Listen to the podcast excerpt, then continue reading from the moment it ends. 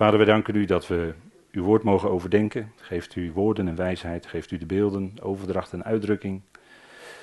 We zijn van u, Vader, en u bent onze schouwplaats. Dank u wel dat we altijd bij u terecht kunnen. Dat u ons door en door kent, veel beter dan dat wij onszelf kennen. Dank u wel dat u leiding geeft en gaf in het leven van die oude aartsvaders, waar we zoveel van mogen leren. Hoe zij leefden door geloof. Vader geeft dat, dat misschien een enkel aspect van morgen ons mag aanspreken en bemoedigen en vertroosten.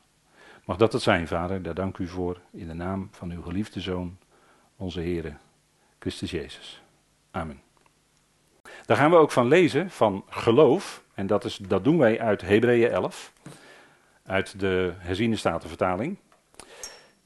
Hebreeën 11, en daar vallen we in het betoog van de Hebreeën schrijver. Maar we beperken ons vandaag tot enkele versen. En daar wordt ook de gelovige in genoemd waar we vandaag bij stil willen staan. Hebreeën 11, vers 17 tot en met 22. En daar staat: Door het geloof heeft Abraham, toen hij door God op de proef gesteld werd, Isaac geofferd. En hij die belofte ontvangen had, heeft zijn enige geborene geofferd. Tegen hem was gezegd van, dat van Isaac zal uw nageslacht genoemd worden. Hij overlegde bij zichzelf dat God bij machten was hem zelfs uit de doden op te wekken. En hij kreeg hem als het ware daaruit ook terug. Door het geloof heeft Isaac zijn zonen Jacob en Esau gezegend, met betrekking tot toekomstige dingen. Door het geloof heeft Jacob bij zijn sterven ieder van de zonen van Jozef gezegend en hij boog zich in aanbidding neer terwijl hij leunde op het uiteinde van zijn staf. Door het geloof heeft Jozef bij zijn sterven melding gemaakt van de uittocht van de Israëlieten en heeft hij een opdracht gegeven in verband met zijn gebeente. Tot zover. Ja, het geloof van, we hebben het gelezen. Jozef. We gaan, ik wilde vanmorgen met u stilstaan bij het leven van Jozef. En een aantal highlights, want ja, dat zijn eh, in de Bijbel is het Genesis 37 tot en met 50. Met twee hoofdstukken onderbreking. Maar goed, dat is natuurlijk veel te veel. Want dan, uh, ja, dan zegt u van, uh, kan het een keer afgelopen zijn, ik wil koffie hebben.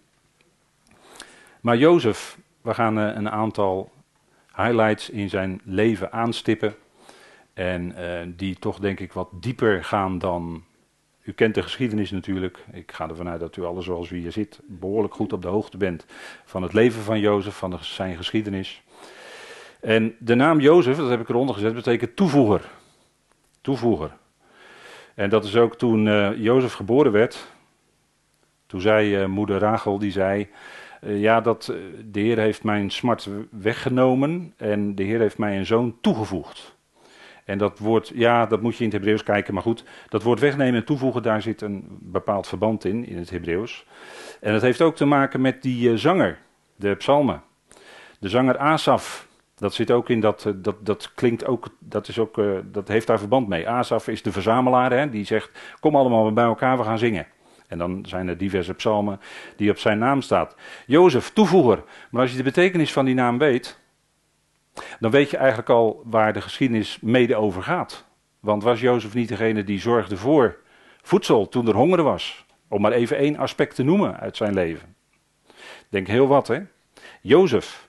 En Jozef, dat zei een, eh, een goede uitlegger, die zei: Jozef qua gelovige, die valt eigenlijk in de Bijbel in een, uh, ja, we willen niet, liever niet categoriseren natuurlijk, maar die valt in een bijzondere categorie. Die valt eigenlijk in de categorie samen met Daniel en met Paulus. Dat zijn drie gelovigen in de schrift, waarvan de schrift duidelijk maakt, die, die zijn door God in een bepaalde plaats gesteld. Speciaal. Jozef aan het begin van de openbaring, Genesis. Daniel in het midden en zegt ook iets over de profetieën.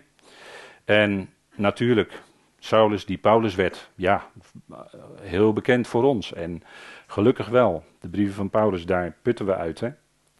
En geven ook licht over de, van, over de rest van de schrift. Maar Jozef, een bijzonder mens. En er staat zo in Genesis 37, vers 3. En hier en daar lezen we wat, wat teksten uit Genesis over Jozef.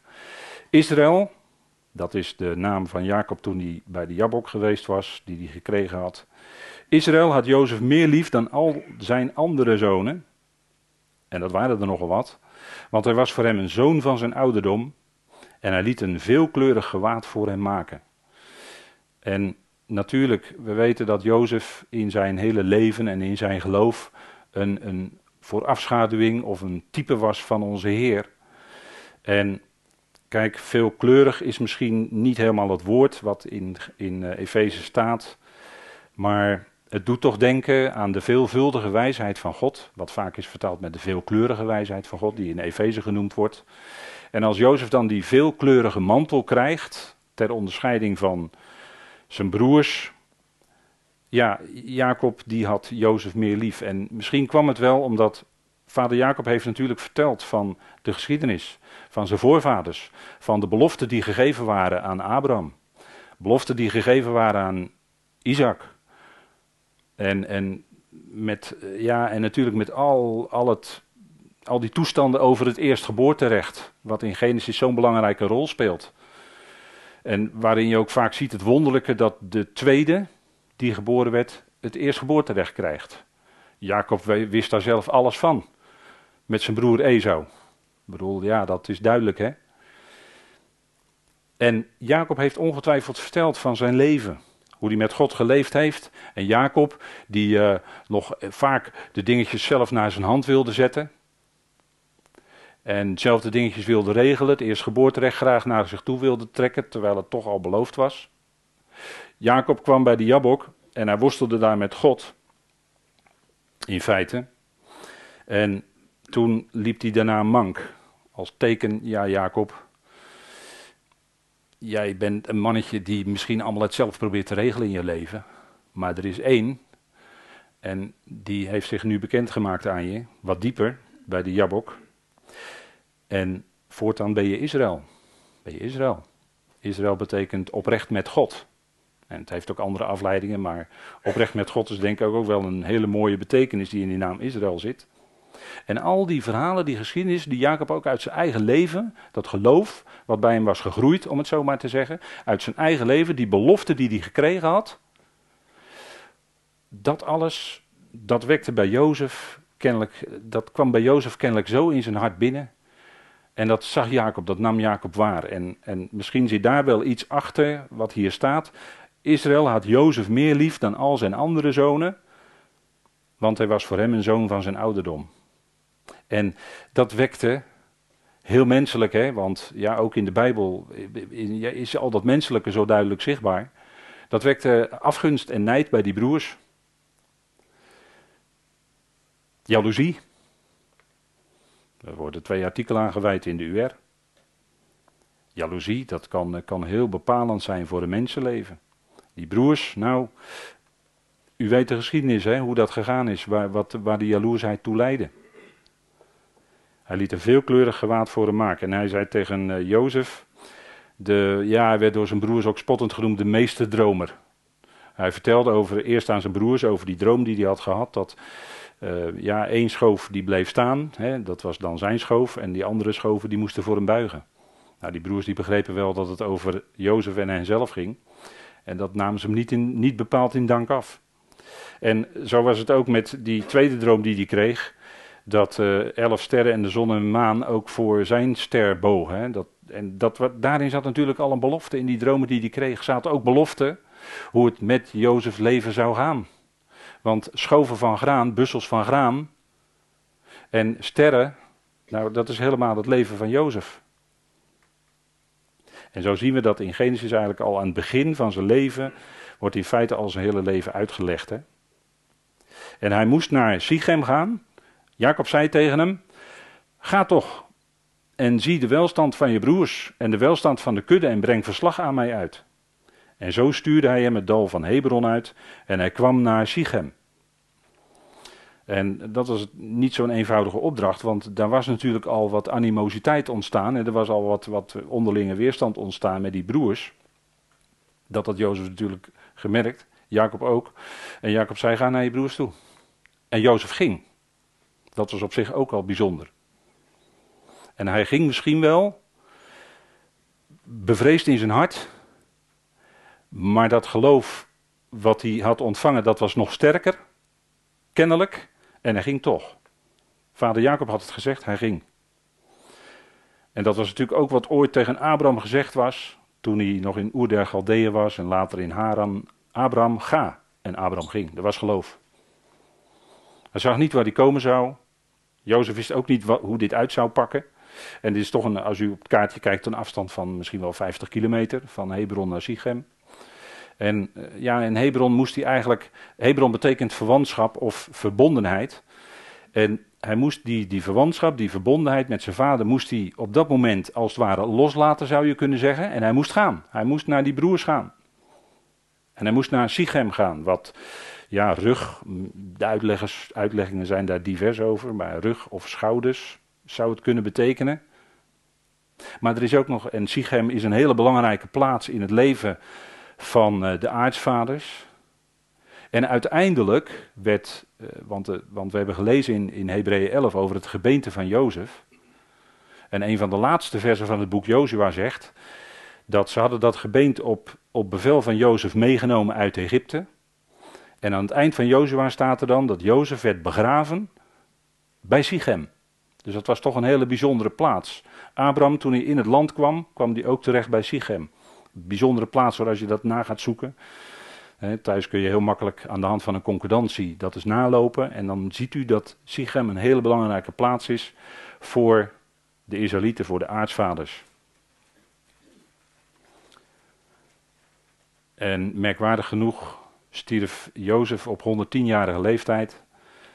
En die werd daar begraven. En ook Jozua, ook Jozua, daar zit een overeenkomst in, is ook een geweldige uitbeelding van de Heer. Die stierf ook op 110-jarige leeftijd.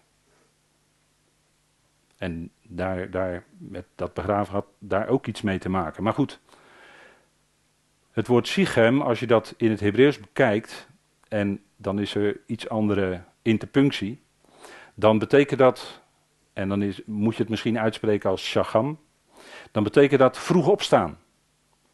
Zoals ook aan het begin van Jozua staat, en hij stond vroeg op, op de derde dag was dat. Hè? En als ik die dingen zo bij elkaar breng, hij stond vroeg op op de derde dag, dan denkt u, ja, de opstanding, ja, dat heeft daar ook verband mee. Dromer Jozef werd erop uitgestuurd, naar zijn broers notabene. Moeilijke opdracht, moeilijke dingen, en die hebben we ook in ons leven, daar staan we soms voor. En dan zien we soms als een berg tegenop. Maar is het niet zo dat David ook zei in de psalmen, met mijn God spring ik over een muur? Zoals dat zo heel mooi in psalm 18 staat. Met mijn God spring ik over een muur. Kijk, dan heb je weer moed. Waarom? Omdat die God nabij is. Hij is Yahweh. Hij is de ik ben. Hij is altijd nabij. En dat zei de Heer van zichzelf ook. Ik ben de opstanding en het leven, bijvoorbeeld. En daarmee maakt hij kenbaar, ik ben degene die Yahweh, de God van Israël, als geen ander kan representeren en kan bij gelegenheid ook zo genoemd worden. Ik ben. Maar ze waren niet in Sichem. Ze waren niet in Sichem, ze waren in Dothan. En ook daarvan, ja, de betekenis van woorden is altijd moeilijk. Maar het zou kunnen betekenen groenig, vanuit het Hebreeuws, Aramees misschien. Of, en dat vind je vaak terug in allerlei handboeken, twee bronnen. Twee bronnen. Dotan betekent twee bronnen. En nu waren die broers van Jozef, die waren niet in Sichem, waar ze eigenlijk hadden moeten zijn, maar ze waren in Dotan. Ze waren bij de plaats die, waarvan de betekenis is twee bronnen. En daar kwam, even tussendoor gezegd, ook het lijden in het leven van Jozef. Dotan, twee bronnen. De broers waren in Dotan, ze hadden twee bronnen. En als, we dat, als, je, als je dat uh, wat daarover nadenkt, daarover nadenkt, dan is het zo dat uh, een bekend principe is dat je in je leven, en als zeker als het gaat om Gods woord, dat je uit één bron put en niet uit twee. als je uit twee bronnen put, kan het best zijn dat die andere bron, dat daar troebel water in zit. Of dat dat water bitter is. En bitterheid heeft te maken met de dood hè, in de schrift, maar ook met het lijden. Mara, mirre, Dat is die karavaan ook, hè? Die, uh, die islamieten, of uh, nee, sorry, ik zeg het verkeerd. De Ismaëlieten, sorry voor de verspreking. De Ismaëlieten, die ook wisselend in dat gedeelte Midianieten worden genoemd. Die hadden bij zich onder andere specerijen en dan staat er ook mirre. Die karavaan kwam voorbij en daar werd Jozef Jozef aan meegegeven. Symboliseert ook, en dat zijn die subtiliteiten in de schrift, dat zit in de tekst. Dat symboliseert ook het lijden hè, wat in Jozefs leven kwam. Maar die uh, zonen, de andere zonen van Jacob, die putten uit twee bronnen. Je zou kunnen zeggen daar tegenover Jozef, die putte uit die ene bron, dat wat hij gehoord had, al die beloften die God gegeven had, die hij via vader Jacob gehoord had. Bij die bron bleef hij, dat geloofde hij en daar leefde hij op.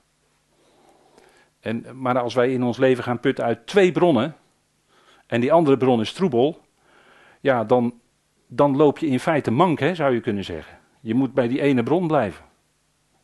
Je kunt niet zeggen de schrift plus. Nee, het gaat om de schrift alleen. Je kunt niet zeggen, uh, wij putten uit twee verschillende berichten die in Gods woord naar voren komen. Nee, we zijn terecht bij de apostel Paulus, die nu eenmaal nu de evangelist, de leraar van de natieën is. Die bron, die God geeft in deze tijd. En al het andere mogen we lezen, natuurlijk, als voorbeeld. En dat doen we vandaag ook. Al wat geschreven is, dat zegt Paulus ook in 1 Korinthe 10, is ons tot voorbeeld geschreven. En opdat wij door de verwachting en de vertroosting van de schriften die vaste verwachting zouden hebben. Dat is. Dus dat twee bronnen, ze waren niet bij Sichem, ze waren bij Dothan. Dothan. Ze waren niet op de goede plek. En, en ze waren in feite. Er was in feite een stuk verblinding, zou je kunnen zeggen, voor de belofte van God bij die broers. Want wat zij deden, het bleek uit wat ze deden. En nu komt die, die uh, dood dan, dat komt nog een keer voor in de schrift, nog één keer. En dat is bij de profeet Elisa. En uh, dan zou Paulus misschien uh, geschreven kunnen hebben. Hebben jullie dan niet gelezen in Elisa? U weet wel, Romein 11 wat zegt hij in Elia. Hè? Hebben jullie gelezen in Elia? Dat God nog 7000 mannen. Had ook kunnen zeggen in Elisa, 2 Koningen 6. Dat was de man Gods, die was in Dothan. Maar daar raakten de anderen die kwamen, de vijanden, raakten daar blind. Bij Dotan, daar moet je op letten. Hè? Daar moet je op letten. Twee bronnen. Je kunt niet putten uit twee bronnen. Het gaat om die ene. En hier werd hij verkocht door die broers, een schandelijke daad in feite. Door je broers verkocht worden. Het eerste plan was, het eerste plan was, maar het was dat Juda tussen beiden kwam. Het eerste plan was om, om, in die put te laten. En dan weet je wat er gebeurd is. Dan heb je geen water, dan heb je geen, het was een droge put kennelijk, geen water, geen brood. Dan weet je wat er gaat gebeuren. Daar hadden ze hem eigenlijk achter willen laten.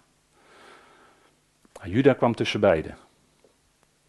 En dan zie je dat als dingen zo worden gedaan door die broers, want het was een schandelijke daad die ze deden. Het was, het was een groot onrecht wat Jozef werd aangedaan. Hij kwam vragen naar de shalom van zijn broers. En wat deden zijn broers? In grote tegenstelling tot Shalom. Ze verkochten hem naar Egypte. Hij raakte de eerst, degene die als de eerstgeborene gesteld zou worden, die raakte in slavernij. Lijden. En dat is ook wat geloof in ons leven brengt. Als je een gelovige bent, dan komt er vroeg of laat lijden in je leven. Dat, dat kun je niet aan ontkomen. Natuurlijk, ieder mens lijdt. Maar als gelovige is vaak ook het lijden dat, ja, ik zou zo graag willen dat die ook gelooft. En ik zou zo graag willen dat die ook gelooft en die. Maar God geeft het niet. Dat kan lijden zijn in je leven, daar kan je mee tobben. Kijk, en, en de reactie van Jozef daarop was, dat is natuurlijk wat, wat, dat is het geweldige van de geschiedenis van Jozef. Jozef was degene die, ja, als je het leest, wat Jozef allemaal zei. Maar ook als je even oplet wat hij niet zei, dan is dat toch wel heel bijzonder. Ook onder, onderging, eh, met andere woorden, hoe onderging Jozef nou dat lijden, die verdrukking die over hem was gekomen? Want hij werd verkocht naar Egypte. En in het Hebreeuwse woord voor Egypte zit ook het woord voor druk en verdrukking. Dus Egypte betekent in de Bijbel druk, verdrukking, benauwdheid. Dat is wat Jozef ook overkwam en later ook, toen Jozef al lang gestorven was, het volk Israël overkwam. Maar Jozef, die geloofde, en dan kom ik nog even terug op wat we gelezen hebben. Hij gaf aanwijzingen over zijn gebeente en hij zei dat Israël uit Egypte zou trekken en die zou in het beloofde land komen. Hij geloofde in de belofte, terwijl daarna nog een lange periode van grote verdrukking kwam in Egypte over Israël, waar ze tichelstenen moesten bakken enzovoort. Ook een beeld van slavernij. En nochtans trok Israël later onder Mozes uit Egypte. De belofte die God gegeven had, was waar. Het woord wat Jozef daarop gesproken had, was waar. Het werd vervuld. En dat is wat ons ook troost biedt. Hè? Het lijden was in Jozefs leven tijdelijk. En daarna kwam de verhoging, de heerlijkheid. En dat is ook in ons leven zo. Het leven, het, leven kan misschien lang zijn voor ons gevoel. En het lijden kan zich in ons leven misschien voor ons idee lang uitstrekken. En dat je denkt van heer nou nog meer, moet ik nou nog meer lijden, moet ik nou nog meer uh, tegenslag ondergaan en noem maar op. Maar er komt, God heeft een beperking gesteld aan het lijden. En er komt heerlijkheid. En die heerlijkheid, die is blijvend. Die zal nooit meer stoppen. En dat is een geweldige troost. Hè? God gaat die geweldige verandering geven in de toekomst.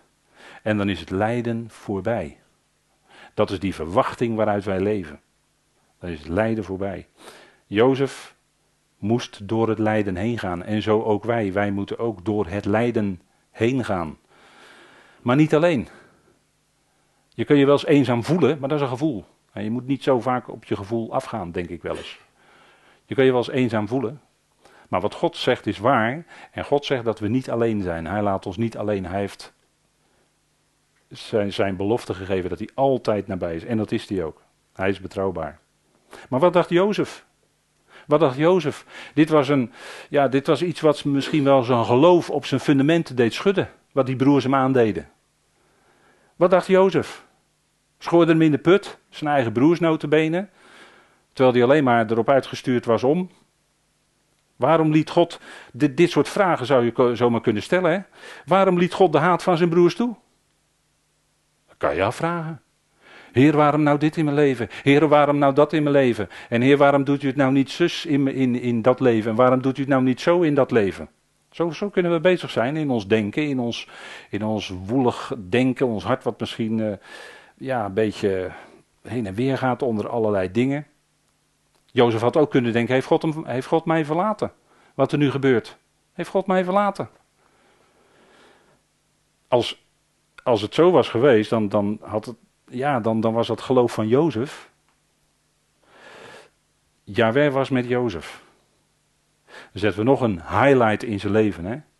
Yahweh was met Jozef. En hem werd ook door de vrouw van Potifar onrecht aangedaan. En, en uh, Jozef kwam in een enorme beproeving terecht. En ook dat was een enorme druk op zijn geloof. Die vrouw van Potifar, die dag in dag uit aan hem vroeg: Kom toch bij me liggen, joh. Dit en dat. En uh, ja, dan zullen we het goed hebben met elkaar. Maar Jozef was een gelovige. Jozef bleef staan. En dat kon hij niet in eigen kracht. Dat, dat was uiteindelijk God. En dat is ook wat hij later in zijn leven erkende. Dat God hem door al die, ook door die enorme misleiding, verleiding, eh, hoe moet je het zeggen, door die vrouw van Potifar. Hij had alle kansen. En hij kon daarmee ook op een heel makkelijke manier een, een, een hele belangrijke positie verkrijgen als hij daarop in zou gaan. Hij deed het niet. Hij deed het niet. Zelfs, zelfs niet toen ze een beet pakte, en hier ziet u op het plaatje. En, en Jozef, Jozef bleef in geloof staan. Hij, deed, hij ging daar niet op in.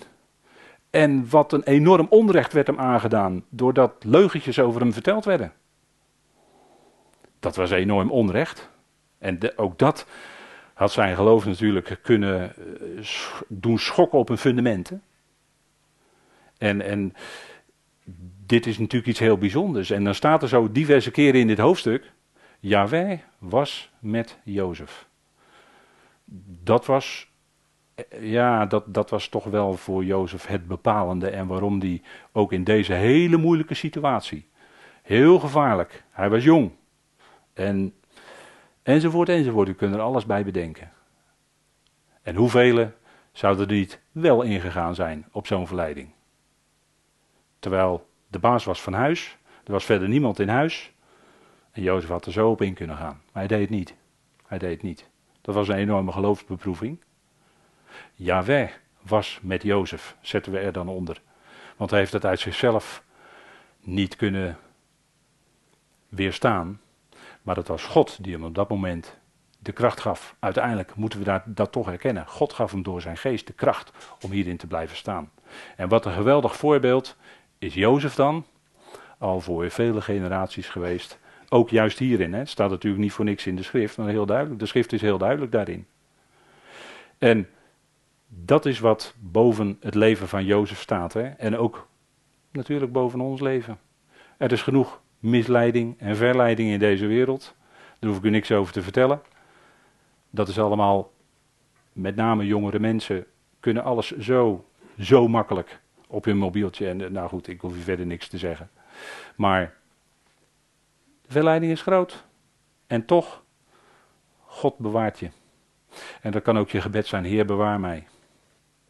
En dan zal u zien dat God ook in, in, in het leven doorwerkt en daadwerkelijk ook bewaart. Ook voor dit soort akelige verleidingen. Onrecht, er werd hem dus nogmaals een groot onrecht aangedaan. Niet alleen door zijn broers, maar ook door de vrouw van Potifar.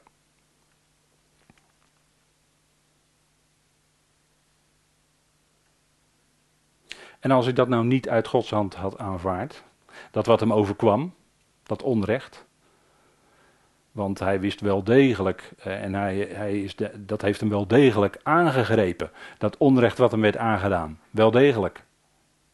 Want toen op een gegeven moment Manasse geboren werd, toen, zei hij, toen werd er daarbij gezegd, toen Manasse geboren werd, een van de twee zoons die hij samen met Asnat, eh, die kreeg hij later als vrouw, de Egyptische vrouw Asnat, kreeg hij Ephraim en Manasse. Maar toen Manasse geboren werd, toen werd daarbij gezegd, God heeft mij mijn moeite, en daarin mag je alles lezen hoor, die verdrukking, dat onrecht doen vergeten.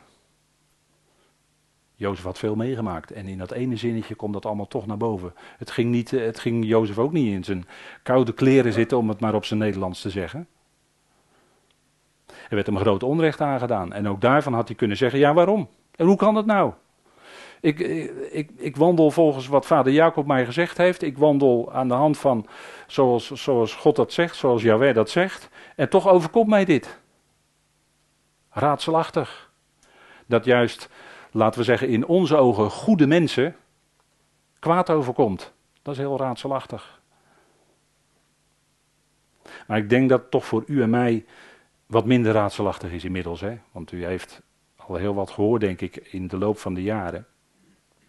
En dat, dat we hebben geleerd dat zelfs onrecht en zelfs negatieve dingen, om het zo maar te zeggen, in Gods handen uitwerken tot wat goed is. En dat is denk ik toch wel iets bijzonders. Er werd groot onrecht aangedaan.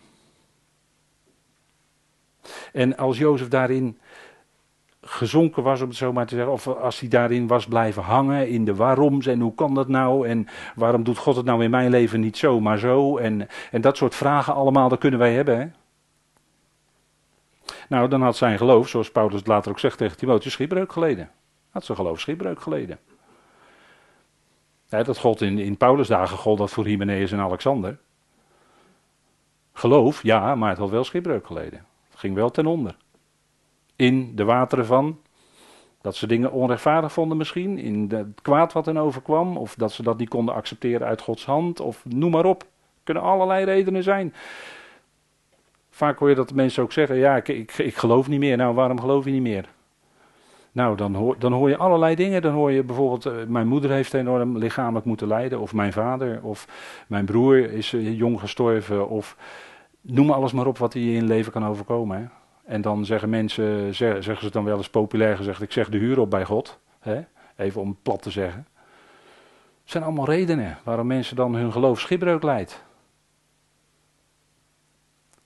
En, en wat, dan, wat we dan leren ook uit deze geschiedenis van Jozef, want die is tenslotte ook voor ons tot voorbeeld opgeschreven. Wat wij leren is dat het kwade of de negatieve dingen, of het boze, zoals je, hoe je het ook noemen wilt, dat het wel degelijk een functie heeft in Gods plan. En dat er één is die dat uitwerkt tot wat goed is, en dat is God. God is het, zegt Paulus toch in Romeinen 8. Die alles doet samenwerken ten goede. En daar, daar duidt Paulus natuurlijk juist op die kwade dingen, want ja, die goede dingen werken sowieso wel mee ten goede. Maar daar duidt hij juist op dat kwaad. God doet alles samenwerken tot wat goed is. En dat is ook in het leven van Jozef volop aanwezig. Hè? En dan later, en dan zetten we weer een stap in het leven van Jozef. Jozef verklaart dromen. Want ja, als u de naam Jozef uitspreekt, en u kent de Bijbel, dan zegt u ja, Jozef die droomt, hè. Want uh, de, de, naar de wet, de naar de wet, de vader van de Heer Jezus, Jozef heette die ook, die kreeg ook een droom. En hij bleef daar op grond van die droom, bleef hij bij Maria. Want hij was uh, van zins om heimelijk haar te verlaten. Omdat uh, hij wilde haar niet te schande maken enzovoort. En Jozef kreeg een droom en hij bleef bij Maria. Jozef, let u maar op, is ook degene die vaak vergeten wordt.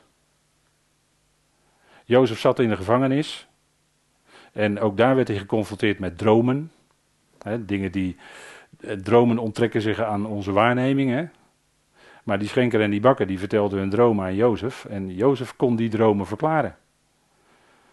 En, en toen de, de schenker eenmaal eh, weer terug was aan het hof. De bakker overleefde het niet. Maar toen de schenker eenmaal terug was aan het hof. Dan staat er, in het, dan staat er zo zo'n vers even tussendoor. En hij vergat Jozef. Hij was Jozef vergeten. En dat is wat in de schrift steeds gebeurt met Jozef. Jozef komt heel vaak, zou je kunnen zeggen, naar voren. En die gaat ook weer weg. En je vergeet hem. En is dat ook niet zo met, met Genesis? We hebben het vaak natuurlijk over Abraham. We hebben het over Isaac. We hebben het vooral over Jacob. Want dat spreekt ons wel aan. Maar Jozef, vergeten we toch altijd wel een klein beetje. Die lijkt altijd wel een beetje eh, in, in, in, onze, in onze gedachten weg. En dat is ook typisch wat met Jozef steeds gebeurt. En dan mag Jozef, en dan komt uh, Jozef toch aan het hof. Want ook de farao droomde. Die droomde over uh, vette koeien en over magere koeien en over uh, allerlei graan enzovoort. En toen haalden ze Jozef uit de gevangenis en hij verklaarde de dromen. En toen noemde Jozef hem Zafnat Paneach. En ook daarvan zijn weer de betekenissen, ja, dat loopt uiteen als je dat na gaat zoeken. Hè, dat, dat loopt een beetje uit elkaar. De een die zegt, de ene uitleg zegt, het voedsel van het land is leven, zou die naam betekenen. Nou, dat is natuurlijk heel toepasselijk.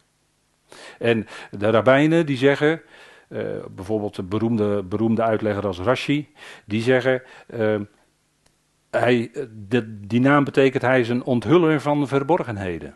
Dat kun je uit het Hebreeuws ook afleiden. En allebei is waar, denk ik. Allebei is waar. Sommigen zeggen ook dat betekent hij is de redder van de wereld. En ook dat is waar natuurlijk. Jozef bleek ook de redder van die toenmalige wereld te zijn, van de hongersnood. En is hij daarin redder van de wereld? Is hij daarin niet een geweldig beeld van onze Heer Jezus Christus? Die de ware redder, unieke redder van de wereld werkelijk is. En die ook verborgenheden onthult. Niet alleen zelf sprak hij ze uit en verklaarde ze aan zijn discipelen, maar via de apostel Paulus maakte hij ook verborgenheden bekend of geheimenissen. Dat is wat de Heer ook deed. En dat deed Jozef ook als type van de Heer. Voedsel van het land is leven. Jozef betekent voedsel, betekent leven, betekent redding. En hij spreekt van degene die geestelijk voedsel geeft en die ons daardoor redt, onze Heer. Jozef verklaart dromen. En kun je zeggen, ja, wat was nou het geheim van Jozef? Wat was nou het geheim van Jozef? In feite al hebben we dat al een beetje met elkaar geconstateerd, hè? Zoals het heel mooi in Genesis 39 staat. Yahweh was met Jozef. Yahweh was met Jozef. Maar het ging ook deze, deze hele geschiedenis van Jozef gaat ook om een stuk erkenning. Hè? Hoe verdiepte nu dat geloof van Jozef zich tijdens zijn leven? God die alles bewerkt. Dat was het geheim van Jozef. En dat ging Jozef erkennen in zijn leven. Dat God degene is die uiteindelijk alles bewerkt. En als u dat in het begin van uw geloofsleven heeft gehoord, dan dacht u misschien, wow, ja, haal je schouder over op God die alles bewerkt. Wel nee. Moet je kijken wat die doet, en moet je kijken wat die dictator doet, en moet je kijken wat die doet. God alles bewerkt, kom nou toch. Maar naarmate je, voort, voor, hè, naarmate je verder komt in je geloof, en je verdiept en je wordt in de schriften verdiept, als God het geeft in je leven, dan ga je dat steeds meer ook erkennen. Dat God degene is die ten diepste alles bewerkt. En dat is een hele harde nood om te kraken hoor, voor heel veel mensen. Een hele harde nood. Maar dat bleek in het leven van Jozef. Kijk, zoals dit plaatje, daar zitten nog wolken voor dat licht. Maar die wolken in je leven, die zullen hopelijk, dat bid ik voor u ook, steeds dunner worden. En dat, en, en dat licht gaat steeds meer helderder schijnen. En, en natuurlijk kent u het gezegde van, ja, elke wolk heeft een zilveren randje, zie je hier ook. Hè? Ja, ja, dat is leuk. Maar dat wat Jozef leerde kennen, het geheim van Jozef, God die alles bewerkt. Nou, dat is nog veel meer dan elke wolk heeft een zilveren randje. Dat is nog veel meer. Kijk, de psalmen die geven daar commentaar op. ik noemde, aan het begin noemde ik Asaf. De psalmen geven, dat is zeg maar het goddelijke commentaar op de geschiedenis van Jozef. En wat lezen we daar? En die, als u die eerste stuk zou doorlezen, dan gaat het heel nadrukkelijk over Yahweh en wat die ik ben, wat die God, die Elohim doet. Dat is een lofzang in deze psalm 105. En hij riep, dan gaat het over Yahweh, dan gaat het over God. En hij riep een hongersnood op het land. De volledige broodvoorraad brak hij af. Waarom deed God dat? Want staat hier dat God het deed. Wij zeggen van ja, ze hebben daar het water afgesloten. Dat moet je niet doen, want er komt honger van. Menselijk falen. Of, hè, zoals wij er vandaag over, heel technisch allemaal over kunnen spreken met elkaar. Hè? Van het is daar de oorzaak van en daar de oorzaak. En als we nou uh, daar waterputten slaan dan, enzovoort. Hè? Zo praten wij erover. Goddelijk commentaar. Er was hongersnood. En op basis van die hongersnood moesten Jacob en zijn zonen naar Egypte komen, naar Jozef. En wie deed dat? Dat deed God. Die bracht een hongersnood op het land. En die brak de broodvoorraad af. Hij zond een man voor hen uit. Hey, maar we hebben toch net geconstateerd dat die broers Jozef naar Egypte verkochten? De psalm zegt, hij, Yahweh, zond een man, Jozef, voor hen uit. Die was Jozef die als slaaf was verkocht. Dat was het menselijk handelen, ja. Maar als we dieper kijken en we raadplegen de schrift, dan wordt hier geconstateerd dat God dat deed. En zij vernederde zijn voeten in de boeien en zijn ziel zat in ijzer vast. Dat was allemaal Gods plan met Jozef. Dat was verdrukking. Hij zei bij Manasse: God heeft mij mijn moeite doen vergeten, maar hier was het nog volop verdrukking. Zij vernederde zijn voeten in zijn boeien, want het was een enorme vernedering. Jozef, Jozef kon zeggen: Ik heb niks verkeerds gedaan. Mij is groot onrecht aangedaan. Ik zit voor, tot twee keer toe voor niks in de, in de, in de nor, in de lik. Hè, hoe heet dat, de gevangenis. Zijn ziel zat in ijzer vast. Tot de bepaalde tijd, hè. Tot de era dat zijn woord uitkwam. Toen hij door Yahweh gezegde hem gelouterd had. Ziet u wat hier staat? God bracht die toestand in het leven van Jozef. Tot een bepaalde tijd. En toen was het genoeg. En dat was precies de tijd die God nodig had om Jozef verder te louteren. Want dat was kennelijk nodig. Kijk, er wordt geen enkele zonde van Jozef beschreven in de schrift. Maar Jozef was natuurlijk ook een zondaar. Jozef was ook een Adamiet. Net als u en ik. Was ook een doelmisser. Maar in de schrift wordt geen enkele zonde van Jozef beschreven. En daarin is hij natuurlijk een geweldig type van degene die zonder zonde was. In wiens mond geen bedrog werd gevonden, zegt Petrus, onze Heer Jezus Christus. Het had hem gelouterd. En toen stuurde de koning, de psalm gaat nog even verder over Jozef. stuurde de koning boden en liet hem vrij. De heerser van de volken liet hem los. En na, u ziet het hè, na het lijden, na de verootmoediging, na de vernedering komt heerlijkheid. Hij plaatst hem als heer over zijn huis, tot regeerder in al zijn bezit, om zijn vorsten te sturen zoals zijn ziel verlangt. Zodat hij zijn oudsten wijs maakt. De verhoging van Jozef. En dat is precies dezelfde gang als die onze Heer ook gaat. Eerst in vernedering, toen leerde hij ook gehoorzaamheid door wat hij heeft geleden. Hij was ootmoedig. De Heer was als geen ander ootmoedig in gezindheid. Als groot voorbeeld voor ons. Hè. Heel Filippenzen draait daarom. En dan zegt de Heer, en dan zegt Paulus natuurlijk tegen ons: laat dan die gezindheid in jullie zijn, die ook in Christus Jezus is. Ootmoedige gezindheid. Wij willen graag hoog, maar de Heer zegt nee, laag. Laag, tapijnon in het Grieks, laag. Wij willen, kijk mij eens. De Heer zegt laag. Dat is eerst bij Jozef.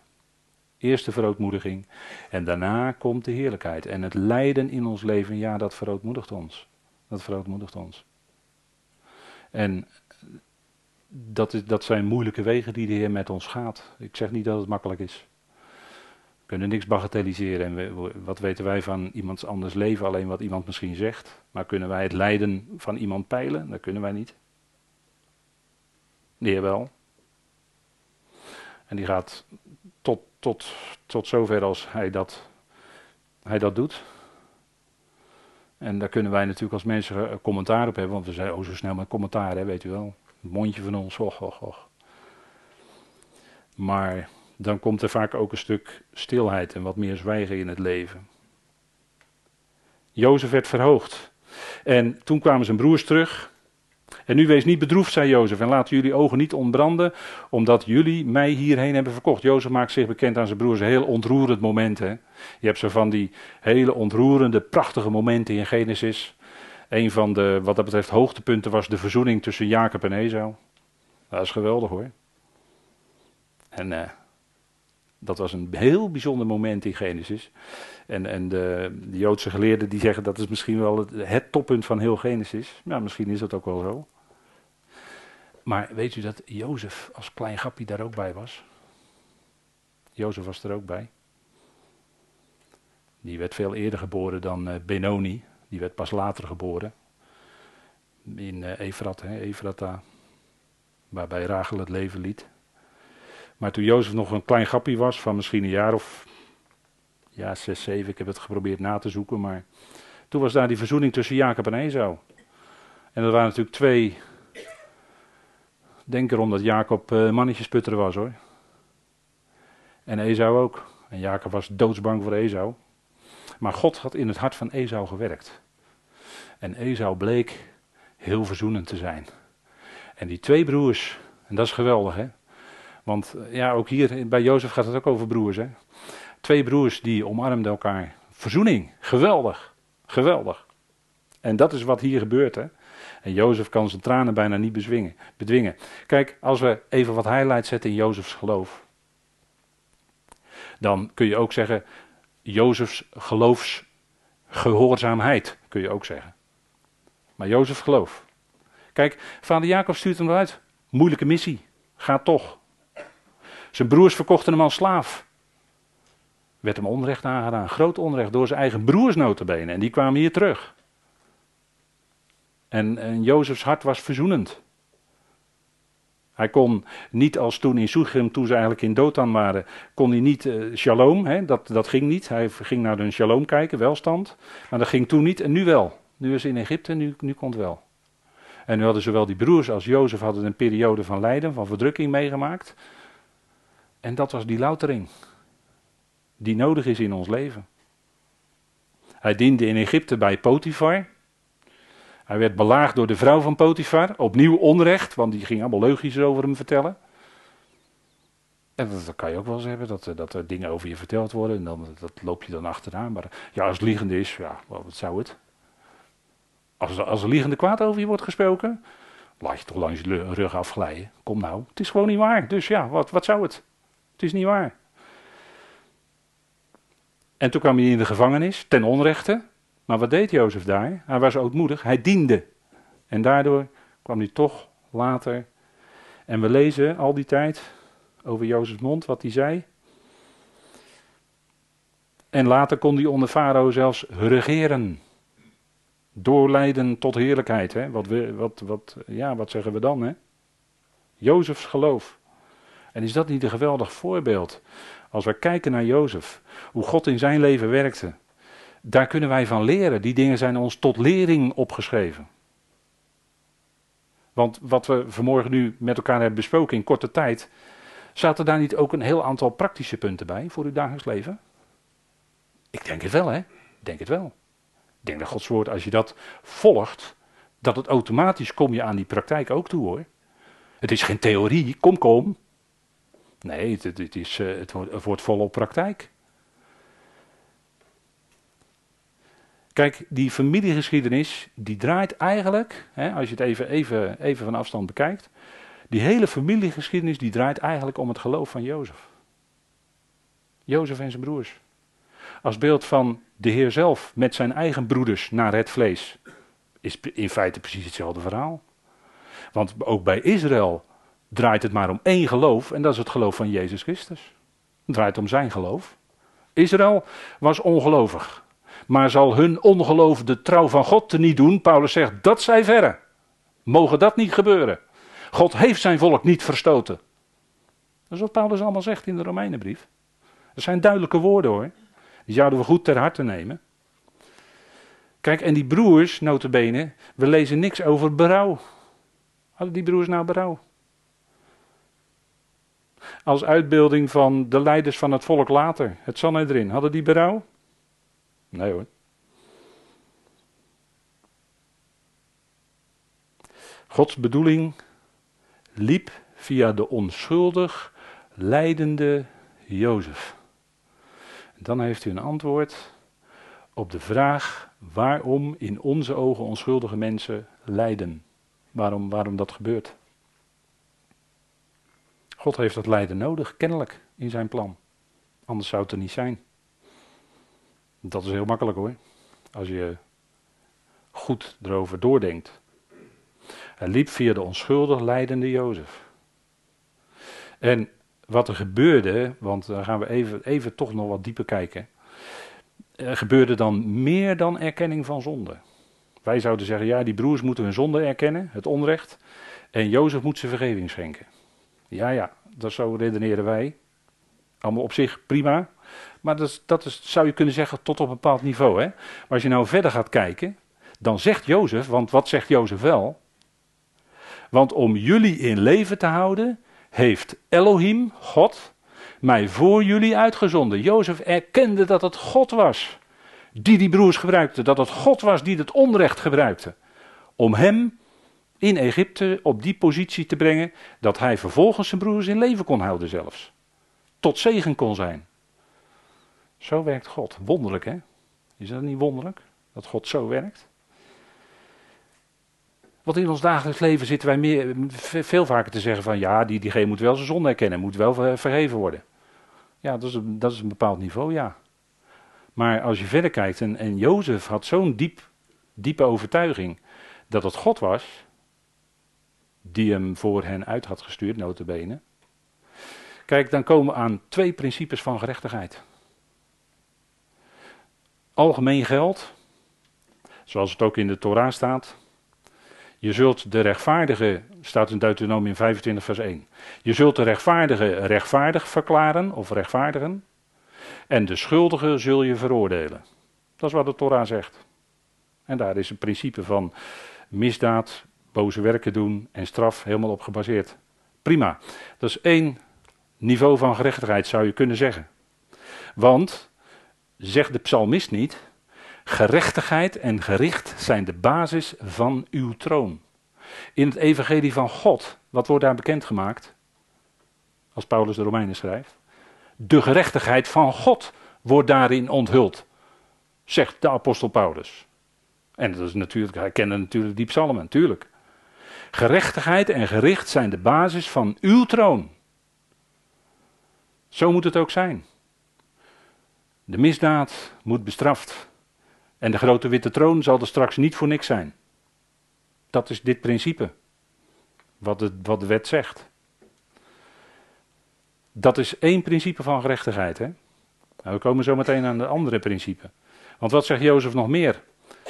En Elohim, God, zond mij voor jullie om een overblijfsel te stellen op aarde en levend te behouden voor jullie in grote verlossing. En nu, komt Jozef weer hè, niet jullie zonden mij hierheen, maar Elohim, maar God. Dat moet bij de broers heel wat teweeg gebracht hebben hoor, deze woorden. Want die zaten best, kunnen u van op aan, met schuldgevoelens over wat ze hun broer hadden aangedaan. En nu bleek die hier te zijn. Niet jullie zonden mij hierheen, maar God. En hij heeft mij tot vader voor Farao gesteld. En heer over heel zijn huis en heerser over heel het land Egypte. Met andere woorden, Jozef liet hier even zien aan zijn broers. Kijk, dat heeft God bewerkt. Dit, door mij heen. En door jullie, door jullie schandelijke daad. Door het grote onrecht wat jullie mij hebben aangedaan. Nee, het was God. Dat zit er ook bij, hè? En dan komen we aan een tweede principe van gerechtigheid. God liet de falende broers kort lijden, want Jozef die deed dit en Jozef die deed dat. En de broers die zaten maar ja, terug, want uh, ja, uh, hij zei ja, er ontbreekt er eentje. En dat was inderdaad Benjamin, die was achtergebleven in, in, in, uh, bij vader Jacob. Maar die moest ook komen. En hij zet, als zekerheid zet hij één broer, hield, hij, hield vast. Het was allemaal een stuk lijden wat over die broers kwam. Maar God liet de falende broers kort lijden en zet hun door hem bewerkte ten diepste, door hem bewerkte krenking. Want het was een enorme krenking wat ze hem aandeden. In dienst van zijn redding, ook voor hun verdere leven. Dus hij liet die falende broers kort lijden. Door de handen van Jozef, mede. Wie deed dat? Ten diepste God natuurlijk. En hij gebruikte die misdaad, want het was een misdaad, het was een krenking. Zeker, dat blijft staan. Zonde is zonde. Krenking is krenking. Maar God ten diepste weerhield dat niet in de broers van Jozef om dat te kunnen doen.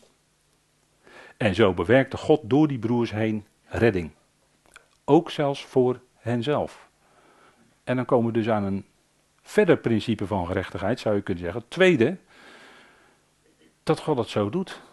En dat hij daardoor meer in feite geeft het meer dan wanneer het eerst, alleen het eerste principe van gerechtigheid gebezigd zou zijn door God.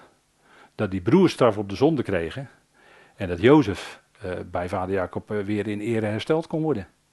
Nee, maar door die hele geschiedenis heen, Jozef, Jozef naar Egypte. Daardoorheen bewerkt God. Dat gaat, dat gaat veel verder, gaat veel dieper. En, en de zegen die eruit voortkomt is ook veel groter, zullen we zien. De broers van de Heer verdienden ook gericht. Dat is later, hè? dat is daar een uitbeelding van. Zegt Paulus dat niet? In Romeinen 11, vers 12. Wanneer echter hun krenking, Israël, bij monden van het Sanhedrin, hun krenking, de dood van de zoon. En wat zegt Paulus hier? Wanneer echter hun krenking rijkdom voor de wereld is, en hun neergang rijkdom voor de natieën. Zo doet God dat. Die zoon van God die werd gekruisigd onder, door toedoen van het Sanhedrin. Want Petrus zei op de Pinksterdag, jullie mannen van Israël hebben hem gekruisigd. Zei Petrus, zelf Jood, zei dat tegen zijn eigen volk. Jullie hebben hem gekruisigd. Dat was een enorme krenking. En kijk hoe God die krenking dan gebruikt, zegt Paulus hier. Het is rijkdom voor de wereld, nog steeds, want we mogen in verzoening in genade leven. Gaat hier over verzoening van de natieën. Hè? En hun neergang is rijkdom van de natieën. En natuurlijk, ja, hoeveel meer, dan krijg je dat argument, dat sterker wordende argument, hoeveel meer als God hen helemaal vult. Ziet u het? Ziet u het? Hoe Paulus dat principe van gerechtigheid.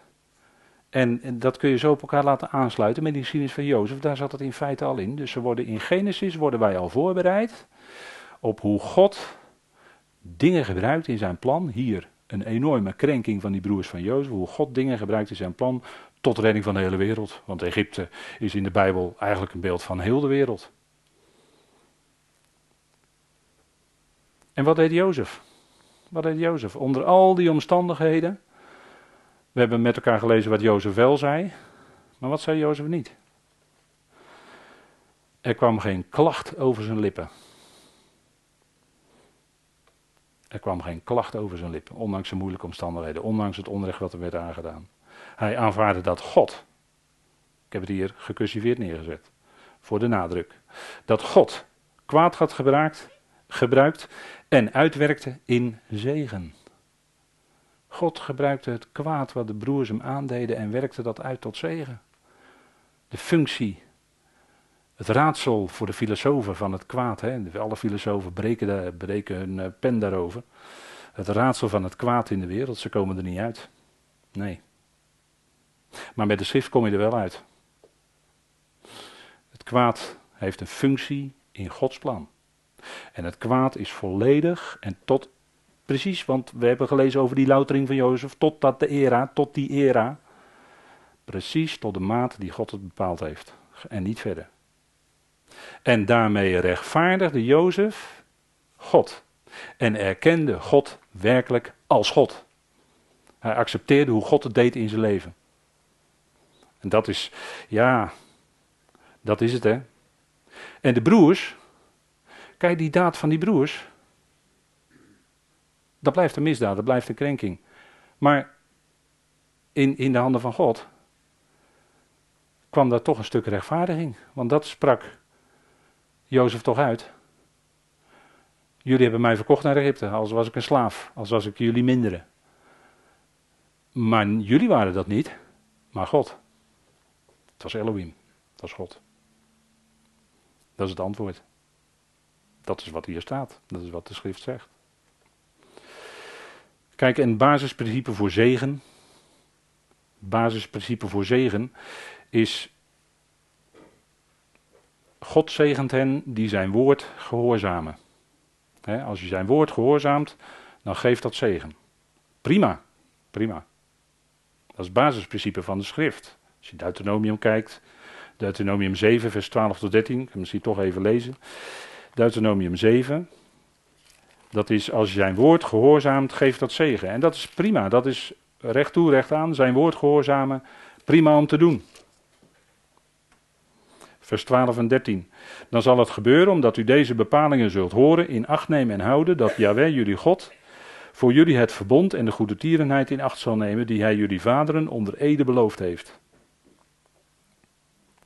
Hij zal jullie liefhebben, jullie zegenen en jullie talrijk maken. Hij zal de vrucht van uw schoot zegenen en de vrucht van uw land, uw koren en uw nieuwe wijn en olie, de dracht van uw koeien en de jongen van uw kleinvee in het land dat hij uw vaderen gezworen heeft te geven. Dus zouden ze doen wat de Torah zei, dan kregen ze zegen. Dat is, dat is het basisprincipe. En dat is ook zo. Als wij, dat geldt nog steeds, als wij Gods woord volgen, Gods woord wat voor deze tijd geldt, dan brengt dat zegen in je leven. Dan word je daardoor begunstigd. Dan word je bewaard voor, uh, voor afwijkingen, word je bewaard voor verkeerde wegen, dan word je bewaard voor noem maar op. Dat is, dat is prima.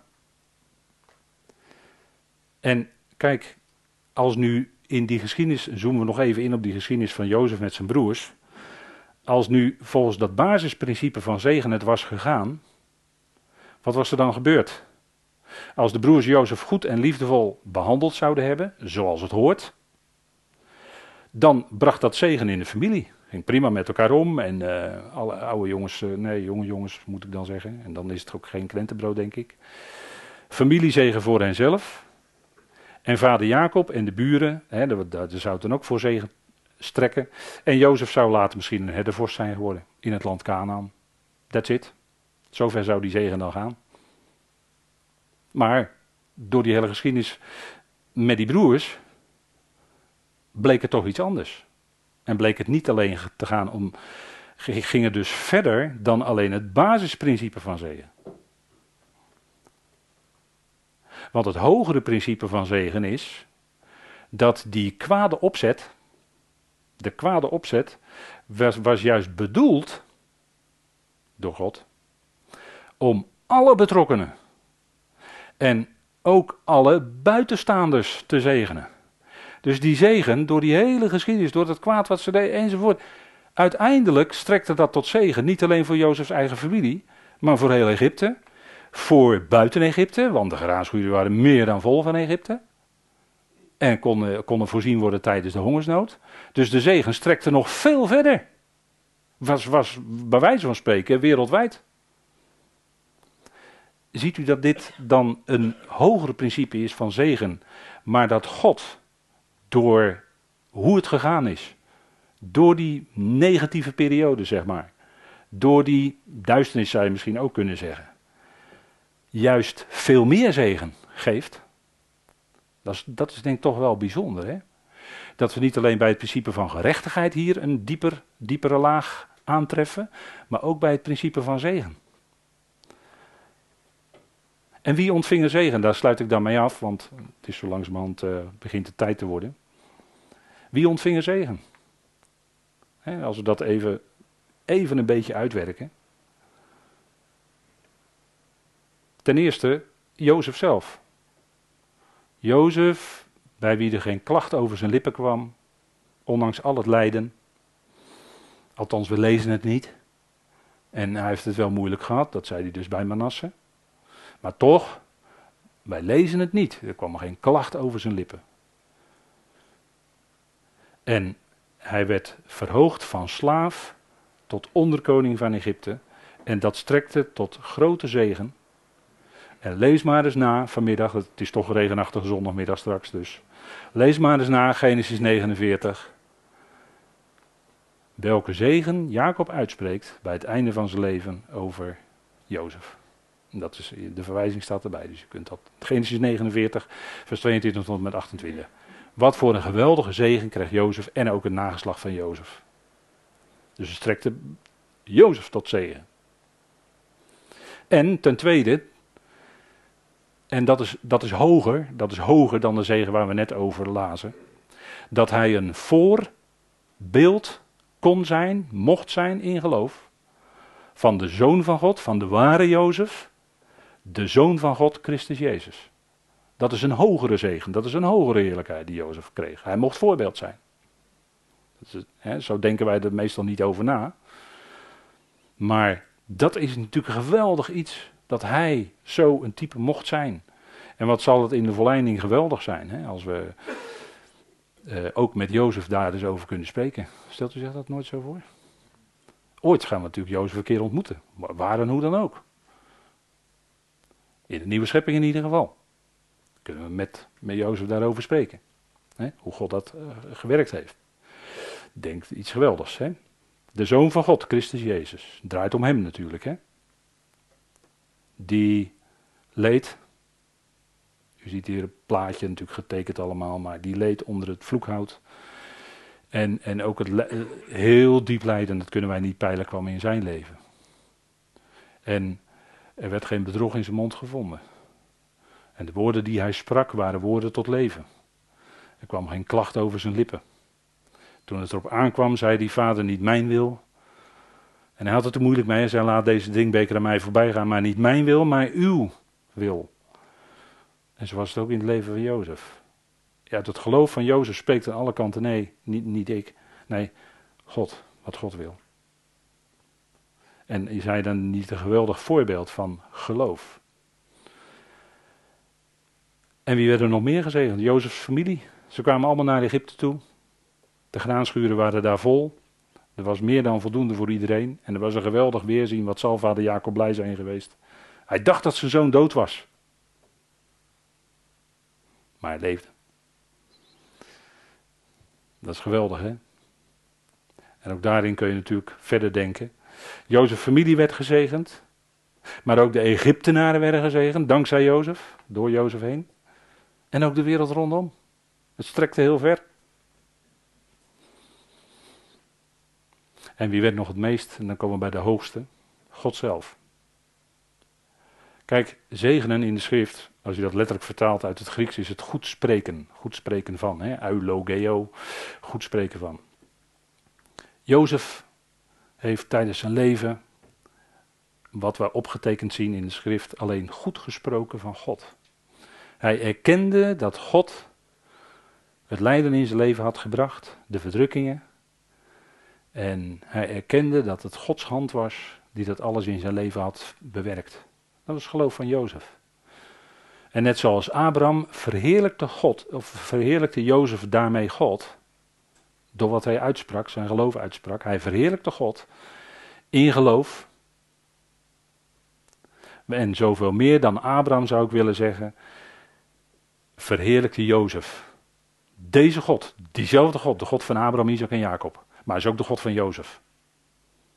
En wat een enorme God is dat. Die het lijden uitwerkt in heerlijkheid.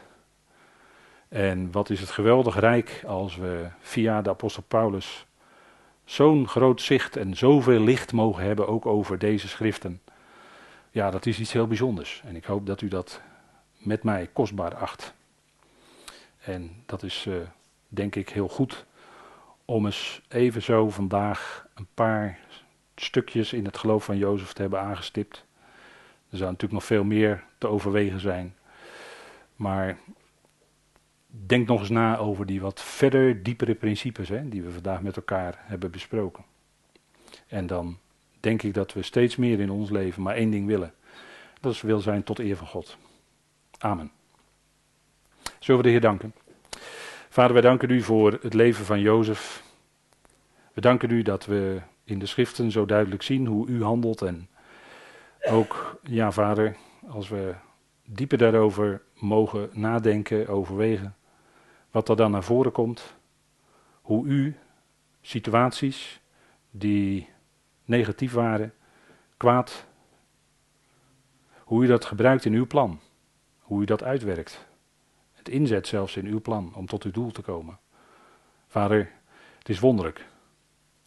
U werkt heel wonderlijk ook in ons eigen leven.